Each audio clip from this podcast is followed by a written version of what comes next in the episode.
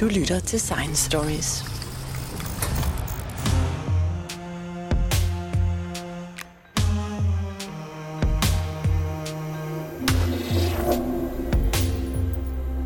Da jeg for nylig så et billede i tidsskriftet Nature af noget indtørret mudder fra Mars, så var jeg ikke i tvivl om, at jeg havde set det før. Billedet fik mig til at tænke på, hvor meget nærmere vi er kommet til at forstå oprindelsen af liv. Og selvom det var næsten tre år siden, vi sidst havde emnet på programmet i Science Stories, så var jeg ikke i tvivl om, hvor jeg skulle ringe hen for at få strukturerne på Mars sat i perspektiv. Det var til Tue Hassenkamp selektion for geobiologi på Københavns Universitet. Og Tue Hassenkamp, de billeder af mudder på Mars, hvad siger de dig? Ja, da jeg så dem øh, første gang, så, jeg, da jeg læste artiklen, så, så blev jeg faktisk lidt imponeret, fordi at det viser faktisk, at de er ret gamle, de strukturer. Så vidt jeg forstår artiklen, så er, så er de 3,8 milliarder år gamle. Og det vil sige, at man har noget, øh, sådan noget mudder, indtørret mudder. Man kan også se det her på jorden nogle gange, når man har sådan nogle indtørrede øh, øh søer og så videre. Altså mudder, det laver sådan nogle... Øh, laver sådan nogle strukturer, det vil sige, der opstår sådan nogle revner imellem, så det laver sådan nogle små firkanter.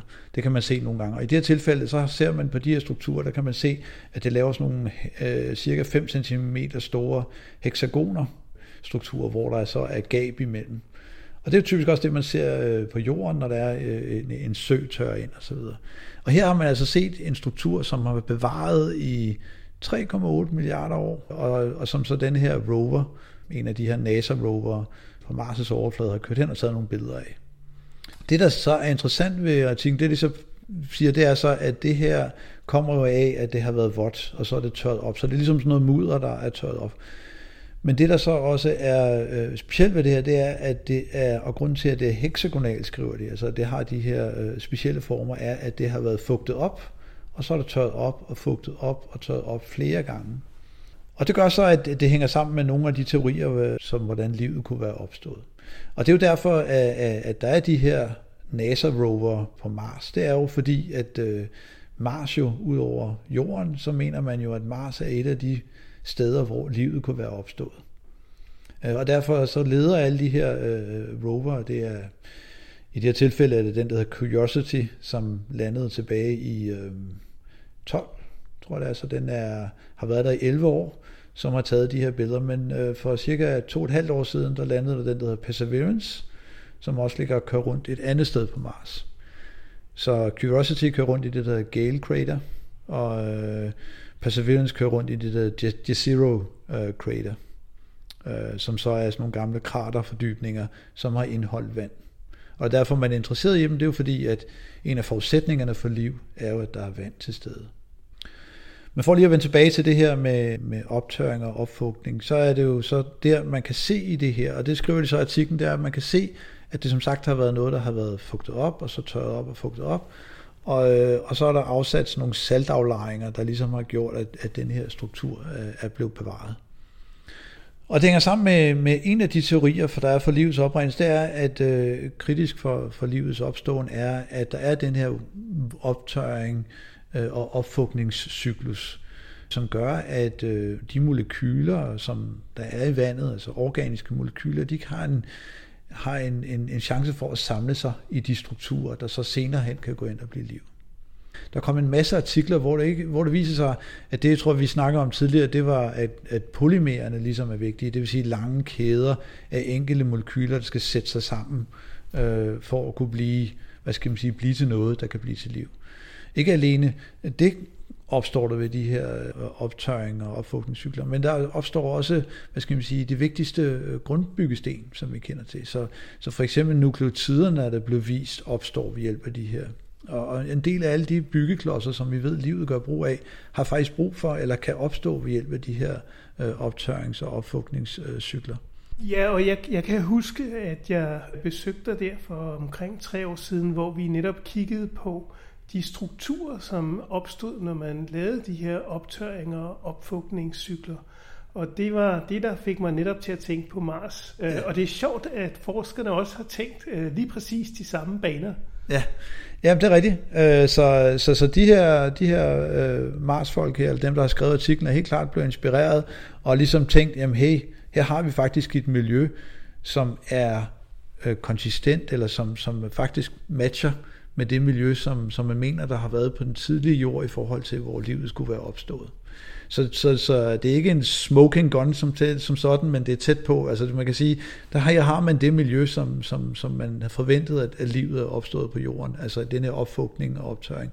Men også ved man i hvert fald, og det skriver de også i artiklen, at der har været organiske molekyler i det her område, eller det her miljø, formentlig i, i, i vandet, som der så er tørret op og fugtet op igen. Nu nævnte du lige uh, smoking guns, men, ja. men den alternative teori, som rigtig mange har troet på i mange år for livets opståen, har været netop, at det kunne være sket i forbindelse med de her rygende uh, ja. skorstene, eller de her ja.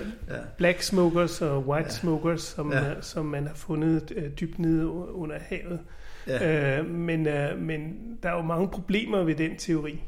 Ja, altså grunden til, at man, man ligesom blev super fascineret af den teori, og ligesom at, mm, så, så at sige, de fleste faldt ned i det kaninhul, som jeg vil mene det er, det er, at, øh, at, at, at tilbage i 70'erne, så sendte man nogle ubåde ned til den midtatlantiske ryg, og den ligger som sagt 5 km under vandoverfladen. Det vil sige, der er totalt sort, og der er ingen forbindelse til jordoverfladen, og der er totalt isoleret dernede, og man forventede ikke at finde noget øh, dernede, fordi der både er koldt og mørkt og, og, og så at sige heller ikke særlig meget øh, energi. Men så fandt man ud af, at, at der er de her black smokers, de her, hvor, hvor vandet kommer ned og berører de varme øh, jordens indre, og så kommer det ud igen gennem de her revner i, øh, i, i, øh, i, øh, i havbundsoverfladen, og så bringer det en masse mineraler med sig, og det bringer en masse organiske molekyler osv. osv. Og så fandt man, at der var et helt økosystem, af bakterier og krabber og så videre, som var isoleret dernede, som faktisk levede uafhængigt af alt liv, andet liv på jorden.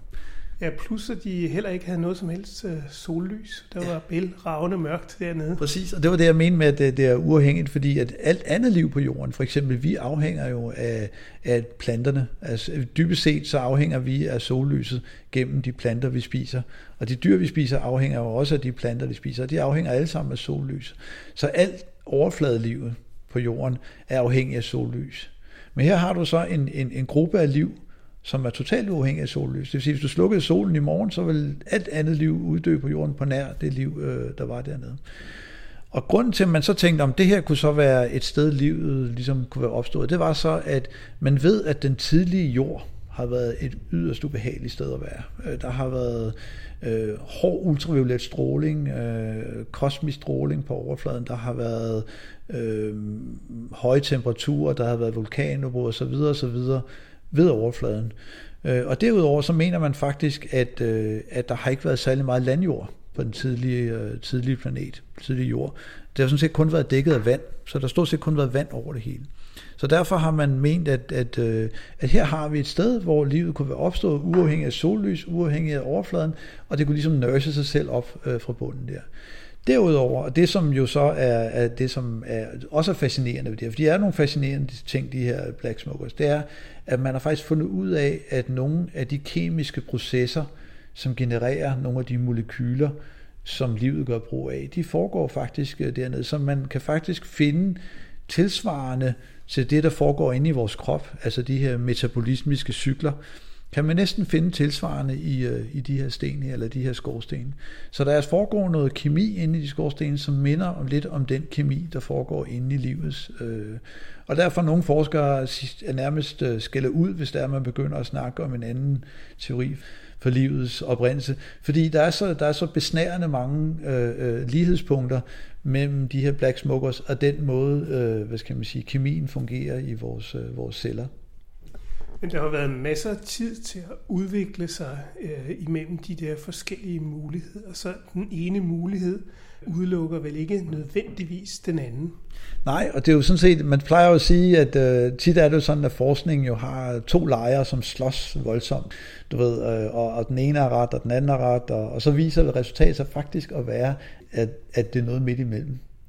Så, så, så for eksempel øh, øh, geologer tilbage i tiden havde jo så den, øh, øh, der var nogle geologer, der mente, at al overfladen, jordens overflade, skulle forstås ud fra sedimentation alene. Og så var der nogle geologer, der mente, at al overflade skulle forstås ud fra vulkanisme alene. Og så har det jo så vist sig, at det faktisk er begge dele. Så nogle overflader, for eksempel på øh, Hawaii og så videre, kan forstås ud fra vulkanisme, altså basalt og så videre. Og andre steder, så for eksempel når man kigger på sandsten gennem, øh, øh ned gennem øh, Grand Canyon, så er det jo alt sammen sedimentære sten. Altså rester af, af sedimenter. Øh, så, så, så typisk er, når der er sådan nogle store debatter inden for, øh, inden for, for naturvidenskab, så viser det sig typisk, at, at resultatet er et helt tredje, eller det rigtige er noget helt tredje. Der er en, den her lejr ligesom tror på de her, øh, øh, for ligesom at, at recap, hvad det er, vi har snakket om her, eller for lige at vende tilbage. Så der er en lejr, der ligesom snakker om de her black smokers, som et sted, øh, livet kunne være opstået.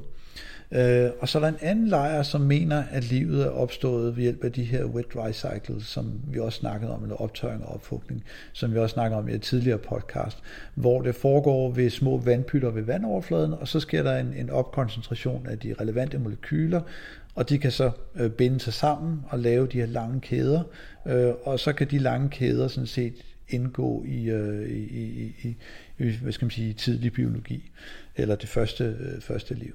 Så der er ligesom de to øh, teorier. Så, men, men, men det kan jo være, at det viser sig sådan, at det er et eller andet sted imellem, så man skal have noget, der minder om en black smoker produktion af molekyler ved overfladen, og så de her molekyler kan så måske ved hjælp af en wet dry cycle tæt på, øh, kan, kan lave de her øh, lange kæder, så man får det bedste af, af to verdener. Det kan, det kan jo godt tænkes, at det er, det er sådan. Man skal ikke udelukke noget. Øh, så, men, men det bringer mig sådan set frem til, øh, jeg har sådan lidt øh, prøvet at konkretisere det lidt, det her, hvad er det egentlig, at problemet er? Og det, jeg egentlig har fundet ud af, det er, at, at selvom vi har de her teorier, og selvom vi har de her forskellige øh, skoler og sådan noget, så er vi faktisk ikke kommet meget videre, siden Darwin han skrev sin, sin bog for, for 160, 160 år siden. Forstå på den måde, at Darwin han sagde, at der er jo ligesom nogle molekyler, der på en eller anden måde har samlet sig, og så bum, så er livet opstået. Men det er lige præcis det der bum, vi mangler. det er lige præcis det der, øh, den der gnist, vi mangler. Og det, og det er jo faktisk øh, øh, øh, lidt interessant, fordi at hvis man kigger gennem historien, så mente man jo på et tidspunkt, at der var øh, øh, øh ikke organisk kemi, og, og, og så var der øh, kemi med liv i. Det vil sige, når der var liv, det skulle man have sådan en særlig livsgnist. Altså der skulle være en ånd i livet. Øh, og det var, hvad skal man sige, den fremhærsende øh, idé, at det var, at, at når, når, når, når livet skulle ligesom have en essens, den skulle ligesom have en essens for, at det kunne være levende. Øh, og alt andet, det var, hvad skal man sige, ikke levende. Altså, så du kan for eksempel have, have, have kemi, som vi laver i laboratoriet, men det havde ikke noget at gøre med det levende, fordi det havde den her livsessens. Men, men der kan man vel også sige, at det er sådan en, en lidt flydende overgang, fordi at alle levende celler, alle organismer, planter, dyr, gær, øh, de er jo elektriske. Altså de har jo alle sammen en elektrisk gradient, og de kan ikke fungere uden elektricitet, så man kan sige, at de, øh, at de er elektriske, men elektricitet er jo også en slags kemi. Altså den bliver jo dannet ja, ja. i en kemisk reaktion. Så ja. på den måde kan man sige, jamen, men øh, det kan siges helt klart, at du kan ikke have liv uden elektricitet. Øh, men, men, du kan, men du kan sagtens have elektricitet uden liv. Ja, ja, men, men det, i virkeligheden er det, er det to sider samme sag, så, så, så som fysiker, så, så ved jeg jo, at eller så, så er alting jo elektricitet dybest set. Ikke? Alt hvad vi ser i verden er magnetiske effekter. Så selv den kemiske binding er jo en, en elektromagnetisk effekt mellem elektroner og protoner. Så der er en, en deling af nogle elektroner i, i molekylet. Så det kan du sige, det er elektricitet. Og man kan jo sige, det typisk er det livet ligesom øh, kører på, det er en, en gradient, altså en balance, det vil sige, du forskyder nogle, nogle ladninger, øh, typisk med en pH, det er jo også ladninger, øh, skyder nogle ladninger i, øh, og laver en gradient, og det er den måde, at, at livet, så at sige, kører på. Og det er derfor, de der black smokers var så interessante. Det er jo fordi, man kan se de der gradienter, man kan se de der, de der af elektricitet, men, men i virkeligheden er, er forskydninger af, af, af ladninger i vandet, øh, og giver en, en, en, en, øh, en, en, en gradient, som livet ligesom kan køre på, som det liv, hjulet er, kan køre på, altså den energi, som livet gør. Ikke? Så det er i virkeligheden, det handler om black smokers, eller det som handler om, det er, at man siger, at, at, at livet omsætter energi. Og jeg tror, det er virkelig det, du siger. Det er jo, at livet er, er, omsætter øh, energi, så det, der skal bruge en energikilde. Det skal ligesom have en, noget energi til at danne molekyler. Øh, og, og, og, og at lave de her øh, molekyler, det, det, det kan man så gøre, når man har en, en, en, en hvad skal man sige, en, en gradientforskel, altså hvor en gradient med, man har noget koldt eller varmt, eller man har noget, man har nogle, nogle ioner, øh, det vil sige nogle positive ladninger det ene sted, men ikke det andet sted, så er det ligesom at og man kan ligesom forestille sig, at der ligesom er et, et, et, øh, et møllehjul, der ligesom skal køre rundt. Ligesom sådan en gammeldags vandmølle. Og det er jo det, livet egentlig er. Det er sådan en omsætning. Det er sådan en vandmølle, der kører rundt. Så det er en omsætning af energi. Øh, så derfor, det man dybere Black Smokers teori, det, det snakker man egentlig om det, man kalder metabolisme først. Det vil sige, man siger faktisk, at livet er opstået ved hjælp af, af de her gradienter, eller de her øh, forskelle i energi, så der går flyder energi fra det ene til det andet punkt, og det er, den, det, er det livet så at sige øh, øh, lever af, eller øh, udnytter. Det er den der flow af energi. Så i det her tilfælde er det jo de varme kilder, som sender varmt vand ud i, øh, ud i et koldt ocean. Der er jo en helt oplagt øh, gradient der. Og det er det, det, er det livet ligesom øh, øh, gør brug af her i det her tilfælde og laver de her molekyler. Øh, så, så, så det, det scenarie siger så, jamen så har du alle de her gradienter, du har alle de her metabolisme først, så al produktionen af molekylerne er ligesom opstået. Og så er det så, at det siger på en eller anden magisk vis, og det har jeg så spurgt nogle af de her forskere om, så har jeg spurgt, hvad er det så, der sker? Hvad er det så, der ligesom sker? Når der, og det kan de faktisk ikke forklare mig sådan lidt, Nå, men altså, hvordan, øh, fordi det, det egentlig implicerer, den her teori, og det er det, jeg har meget svært ved den, det er, at den, den, den betyder, at det hele ligesom står skrevet i de her sten. Og det skal på en eller anden måde oversættes til noget, som skal skrives i RNA og DNA. Og så skal det RNA eller DNA eller det arvemateriale, det skal så bagefter lave en kopi af det, som er i stenen i en organisk molekylesammensætning. Og, og for mig at se, at det, det, det er hul i hovedet, fordi først så laver du det, det hele konstruktionen, du laver et helt stilas, øh, og så skal du på en eller anden måde, skal, skal du have det til at opstå et andet sted, et helt andet sted, en, i en helt anden setting. Ja, man må også sige, at, at det virker ulogisk, hvis det var de her smoker, der skulle være oprindelsen til ja. det, fordi de netop er, findes i oceanerne, ja. og det vil sige, at man vil, vil være udsat for, at uh, når de der sjældne stoffer blev uh, udviklet, som skulle sidde sammen til sådan nogle, i sådan nogle kemiske reaktioner, ja. jamen så ville de måske være et andet sted i oceanet, altså de ville ja. uh, formodentlig ikke være lige ved hånden. Nej, nej, nej, præcis. Og det er jo lige altså det, er jo lige det, det punkt, jeg gerne vil, vil berøre her, det var det der, jamen der mangler det der, hvad skal man sige, der mangler den der, den der gnist, der mangler det der punkt, hvor vi går fra noget, som kan køre sig selv. Så hvis du ligesom tager det der møllehjul-analogi, det ligesom skal køre rundt af sig selv, at der skal ligesom være en, en, en, en, en ting, der, der, der ligesom en kemisk reaktion, der kører. Øh, og det er virkelig den gnist, der mangler, det er den der, den der hvad skal man sige, øh, hvor du går fra at have molekylerne, til der lige pludselig er noget, du kan sige er levende. Og jeg nævnte det selv, ham der, jeg snakkede med fordrag, det var lidt, jamen hvis du tager en bakterie, og den er død, jamen så, er det jo ikke, så opstår den jo ikke igen og bliver levende igen. Altså så er den jo død. Ikke? Når først tingene er døde, så er det meget sjældent, vi ser det ligesom kommer til live igen. Og det er på trods af, at vi har alle de rigtige molekyler samlet det rigtige sted, og næsten er, hvad skal man sige, alle de rigtige steder. Så kan man sige, okay, altså vi som mennesker er jo så komplicerede, så når vi dør, så er der en masse ting, der ligesom... Øh, så, men hvad nu, hvis vi tager en, en helt basal øh, øh, øh bakterie, og så ligesom lader den dø, og så siger man, hvad, kan den så ikke ligesom leve op igen? Og det kan den ikke. Så, så derfor den der scenarie med, at vi forestiller os, at vi har bare alle de rigtige molekyler, og så er det bare et spørgsmål om at, at føre dem sammen, og så på magisk vis, så, så sker der et eller andet, og så begynder de at leve. Det sker bare ikke. Øh, og det, det ser vi jo ikke. Altså, det er jo lidt ligesom at se, at du tager et glas, der knuser sig, og så er det på en eller anden måde samler sig igen. Det sker ikke. Så det, der mangler, og det, som i virkeligheden er spørgsmålet, og som, som er det, som, som jeg, og jeg faktisk har fundet ud af, at, at det faktisk ikke virker kommet længere. Fordi at, at hvis man kigger tilbage i historien, så kan man se, hvordan mener, mener folk, at livet er opstået. Altså der, man griner lidt af i dag, men, men hvis, man skal ikke så langt tilbage, jeg tror det var i, i 1600-tallet, der var så en, en fransk læge, der sagde, jamen hvis du tager øh, en bund hvede og en, en, en krukke og så en beskidt skjorte, og så sætter det væk i 21 dage, så på magisk vis, så, så, så kommer der mus. Og det var sådan været en udbredt opfattelse af, at livet var bare noget, der opstod. Og for eksempel, hvis du var i Indien, så vidste du også, hvis du havde skidt og sved, så kom der fluer.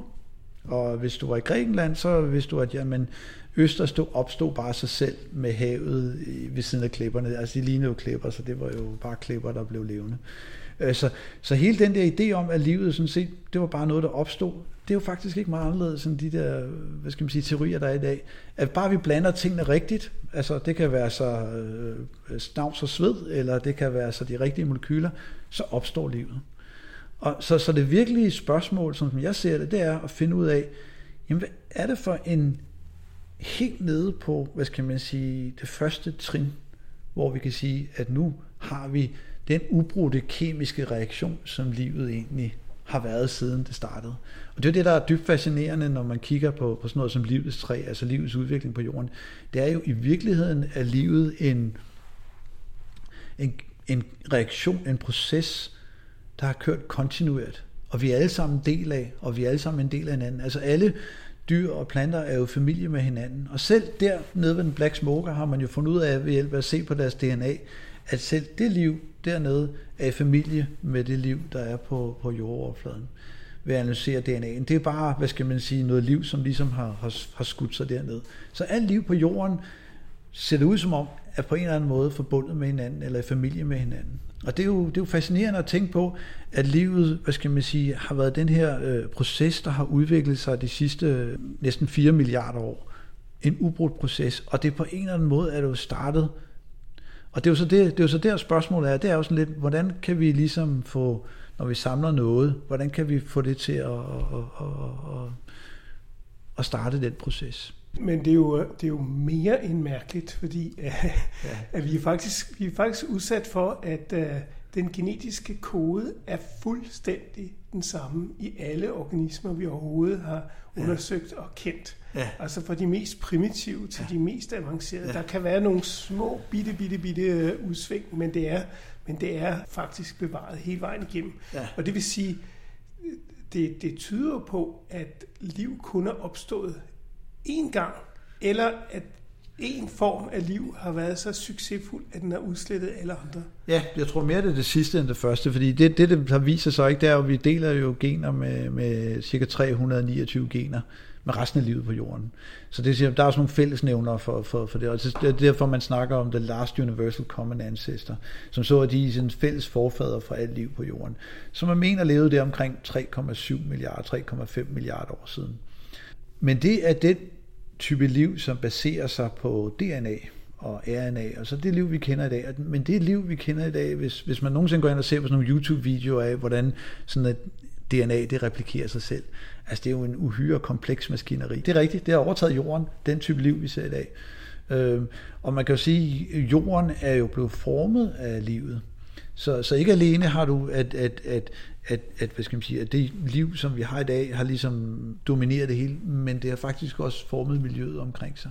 Så det er sådan en, en feedback-ting, du ved ikke, så, så planeten ville jo se helt anderledes ud, hvis det ikke havde været for livet, øh, sådan som det er i dag. Netop også, som vi kan se med, med, med, med, med CO2 i atmosfæren, og bare alene ilten i atmosfæren, det er jo et godt eksempel, ellers ville der jo ikke være ilt i, i den mængde, vi ser det, hvis det ikke havde været for liv bare indtil nogle få hundrede millioner år siden, der var der jo ikke mere end en få procent øh, ilt i atmosfæren. Nej, nej, det er rigtigt, ja. Så, så man snakker om The Great Oxidation Event, som så er et par milliarder år tilbage, men så øges øh, ilten først der omkring, jeg tror nu, der er sikkert nogen, der staller men jeg tror det er 800 millioner år siden, så begynder lige øh, øh, ilten at stige, øh, og så der omkring øh, øh 500 millioner år siden, eller lidt før i hvert fald, der var den deroppe omkring de, det, vi kender i dag, eller de niveauer, vi kender i dag. Det har været lidt højere og, og lidt lavere undervejs, så jeg tror, det har været op på 30 procent på et tidspunkt, og nu ligger det så der omkring de der 21 procent, øh, så vidt jeg ved. Så det er rigtigt, øh, og, og man kan jo sige, det er også kun inden for de sidste 500 millioner år, eller cirka, cirka 600 millioner år, at livet har udviklet sig til den størrelse, det har i dag. Altså før da,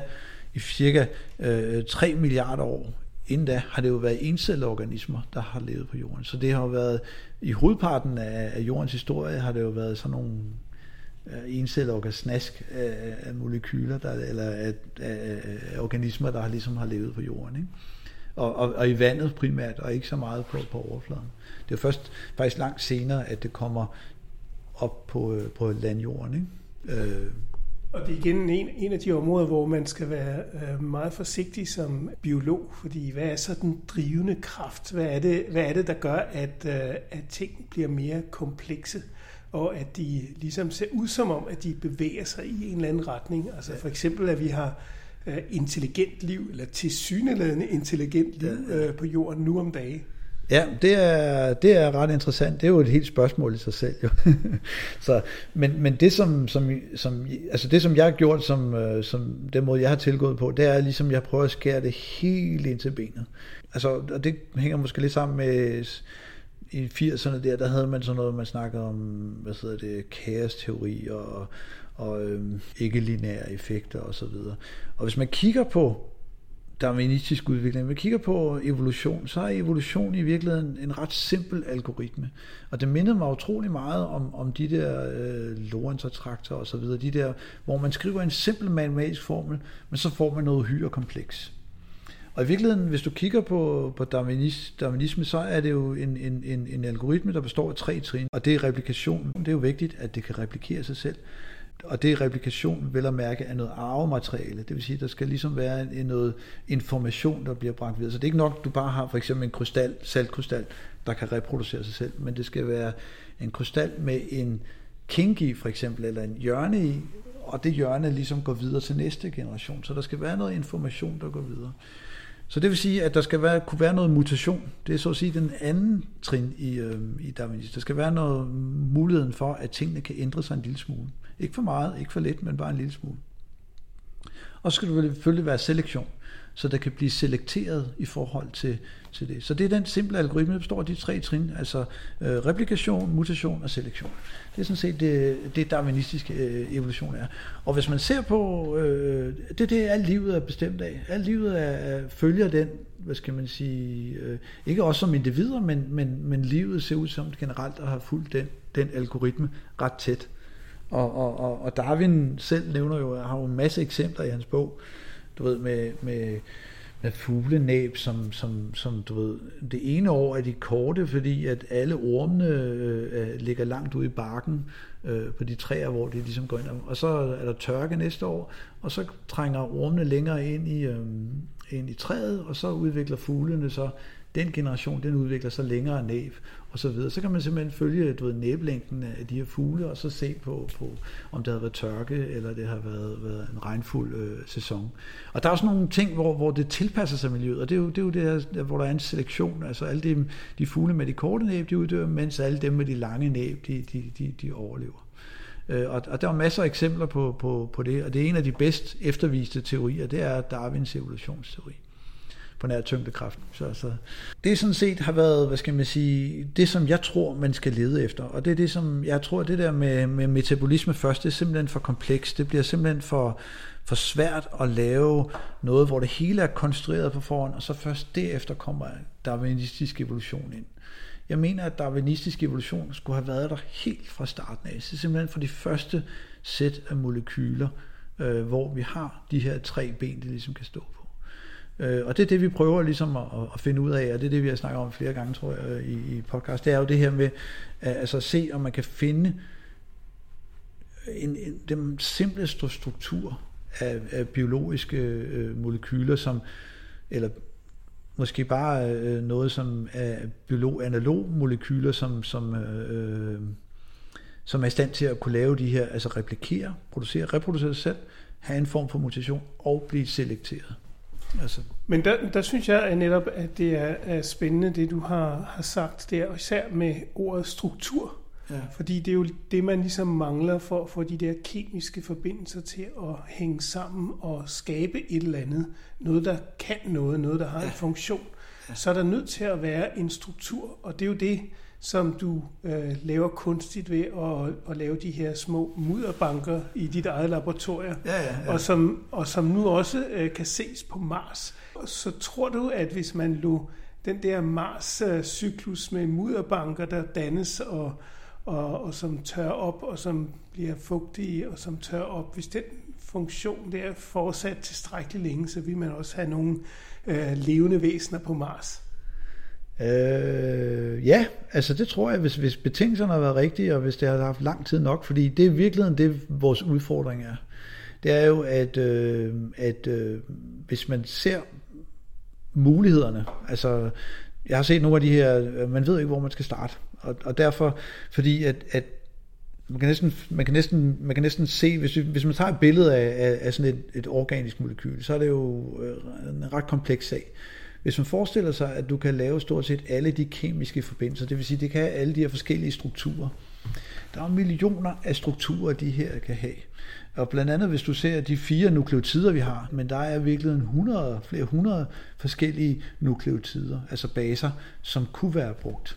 Det vil sige, at man har et, et, et kæmpe parameterrum, man skal afsøge, altså for at finde ud af, hvor er det, vi finder det sæt af molekyler, som gør netop det der darwinistiske, i den suppe af de her millioner af forskellige molekyler. Der er jo faktisk også nogle molekyler, der findes som spejlbillede isomerer, ja. altså hvor at de kan være enten højre eller venstre Ja, det er rigtigt. Det er sådan helt og, og, alle, og alle aminosyrene for eksempel er venstresnået, så, så derfor så kan man sige, hvis man finder en anden organisme, ja. øh, som kommer fra et andet sted i vores solsystem, ja. altså ikke fra jorden, jamen så er det første, man skal se, det er, at de er højre eller venstresnået. Men jeg tror, jeg tror lidt, øh, fordi netop er rigtig mange forskere, der siger, at det har noget med livets oprindelse at gøre, og netop at gå ind og kigge efter de der isomerer der, og gå ind og se, når man, at det har været vigtigt ved livets oprindelse. Jeg, jeg tror, det er en lidt en misforståelse. Altså, det er lidt ligesom, på et tidspunkt er livet blevet frosset fast i de her DNA og RNA og proteiner og isomerer og sådan nogle ting.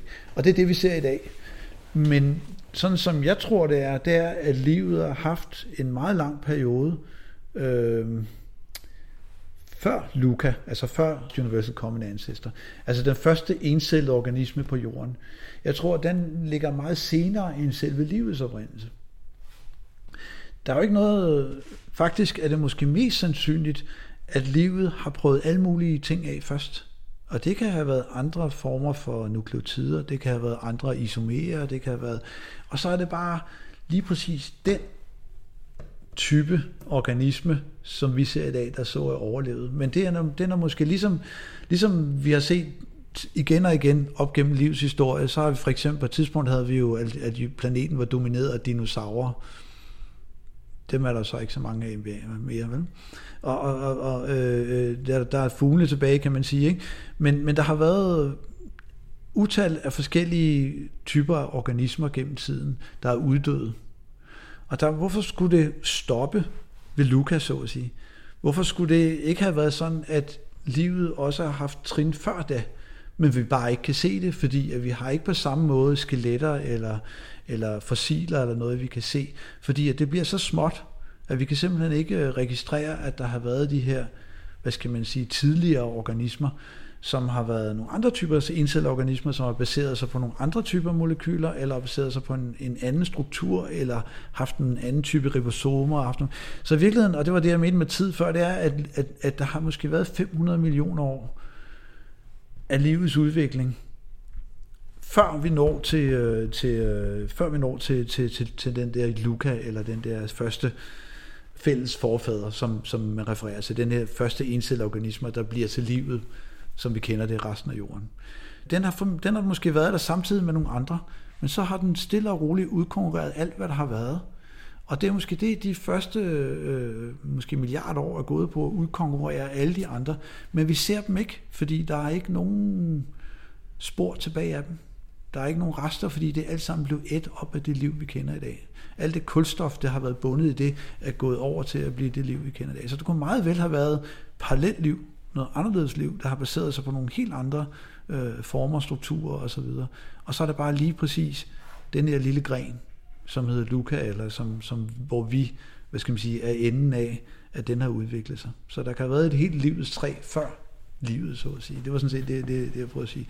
Og det er derfor, at det, det, jeg synes, det er meget farligt, og det der nogle gange er meget forsigtigt, når, når, når, man, øh, når man ekstrapolerer sådan og siger, nå, men nu har vi fundet den her struktur i livet, som det ser ud i dag, altså man har fået krebscykel, eller, eller vi har fundet øh, DNA, og så siger vi, nå, men så er det første liv, at det må være DNA, og så leder vi alle sammen efter, efter DNA, og, og, og det skal ligesom være opstået, eller RNA.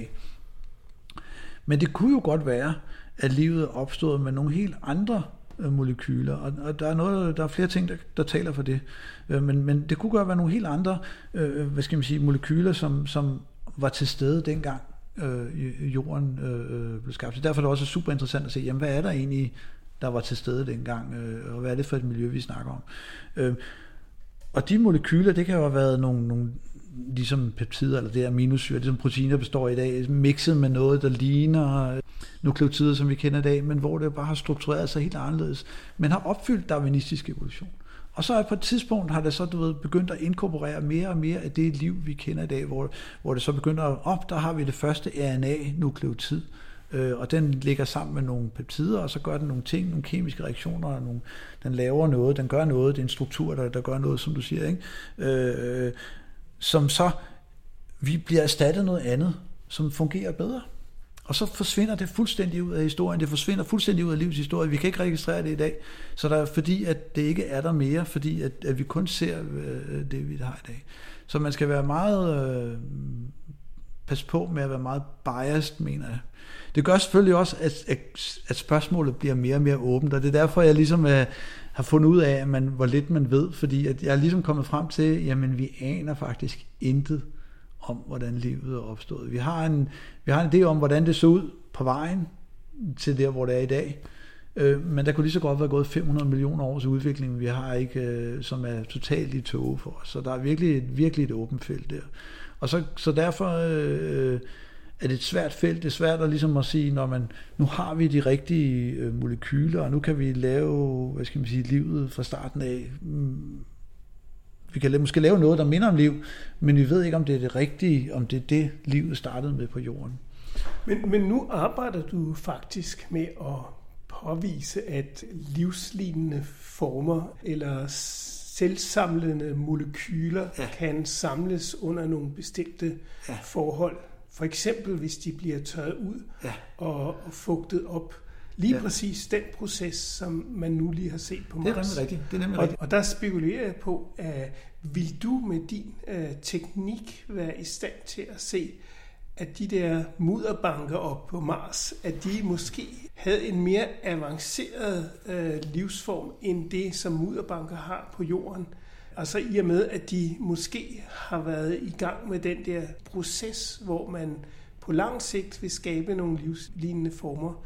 Hvorimod de tilsvarende mudderbanker på jorden måske har været lidt mere øh, konkurrenceudsatte, og derfor så måske ikke har de tilsvarende avancerede øh, stoffer til at, at udvikle sig videre fra.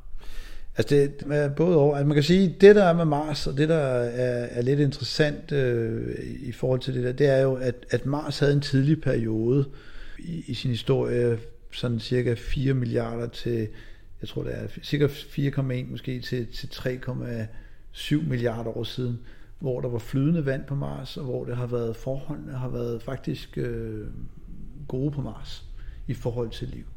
Det er i hvert fald, sådan siger teorien i hvert fald. Og det er de her øh, sten, de er netop fra den her periode. Men derefter, så tør Mars hurtigt ud. Altså så er det ligesom, at det bliver ret hurtigt en, øh, en, en, en, en død planet, forstået på den måde, at, at, øh, at aktiviteten ligesom falder.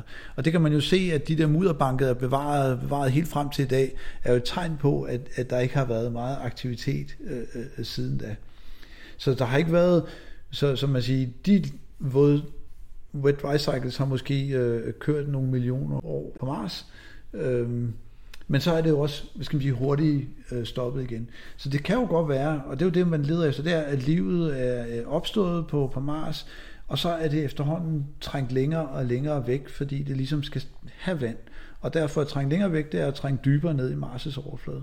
Så hvis, det, hvis der nu er vand på Mars, så er det måske øh, dybt nede under overfladen, og det er dernede, man måske har rester af, af liv øh, i, i dag. Øh, og det er derfor, man, man ligesom prøver at lede efter spor. Men jeg tror, ved overfladen vil det være ret svært at finde, øh, finde, øh, finde rester. Øh, specielt fordi, at det har været et, et, et, et, øh, et miljø, som har været udsendt for, sat for stråling og så videre, og optøring i, i meget lang tid. Så de biologiske ting, eller ikke biologiske, men de organiske molekyler, man finder på overfladen, er ret hervet og blev ret øh, øh, er faldet fra hinanden øh, på nuværende tidspunkt. Men man kan ikke udelukke, at det findes øh, dybere nede i, i Marsens overflade. Ikke så vidt jeg forstår. Så, så kunne du godt forestille sig, at, at det kunne være meget dybere nede. Ja, at, at det kunne, fordi man ved jo faktisk, at det er jo det, Øh, man har fundet ud af, på jorden i hvert fald, at der er liv rigtig dybt nede i jordens overflade. Det er nede, jeg tror, 20 km under, under, under overfladen. Der har man fundet, fundet liv. Og det er, jo, det er jo dybt fascinerende, og det er jo faktisk, at, at, at hvis man ser på det rent kulstofmæssigt, så er det meste af liv øh, nærmest fanget under overfladen. Altså inde i, øh, mener man, hvis man laver det regnestykke, ikke? I, i form af kulstof. Så derfor kunne man godt forestille sig noget lignende at have, at sket på Mars, men at, at livet så at sige har været tvunget til at trække sig væk fra overfladen noget hurtigere end, end, end hvad skal man sige, tilfældet på jorden, hvor det har, har kunne trives på, på overfladen. Ikke? Øh, så det kunne være fascinerende, hvis man kunne finde det. Det er i hvert fald spændende at se. Ja. Tak skal du have, Tue Hessenkamp. Ja, det var slet, ja, tak. Hvis du holder af historier om videnskab, kan du finde Science Stories hjemmeside på www.sciencestories.dk. Vi er på sociale medier som Facebook, Instagram, LinkedIn og Twitter. Du kan finde vores podcast på de fleste podcastudbydere som SoundCloud, Podimo, Spotify, og hvis du bruger Apple Podcast, må du meget gerne give os en rating og en kommentar, så andre også kan finde os. Jeg hedder Jens Deget, og dette var Science Stories.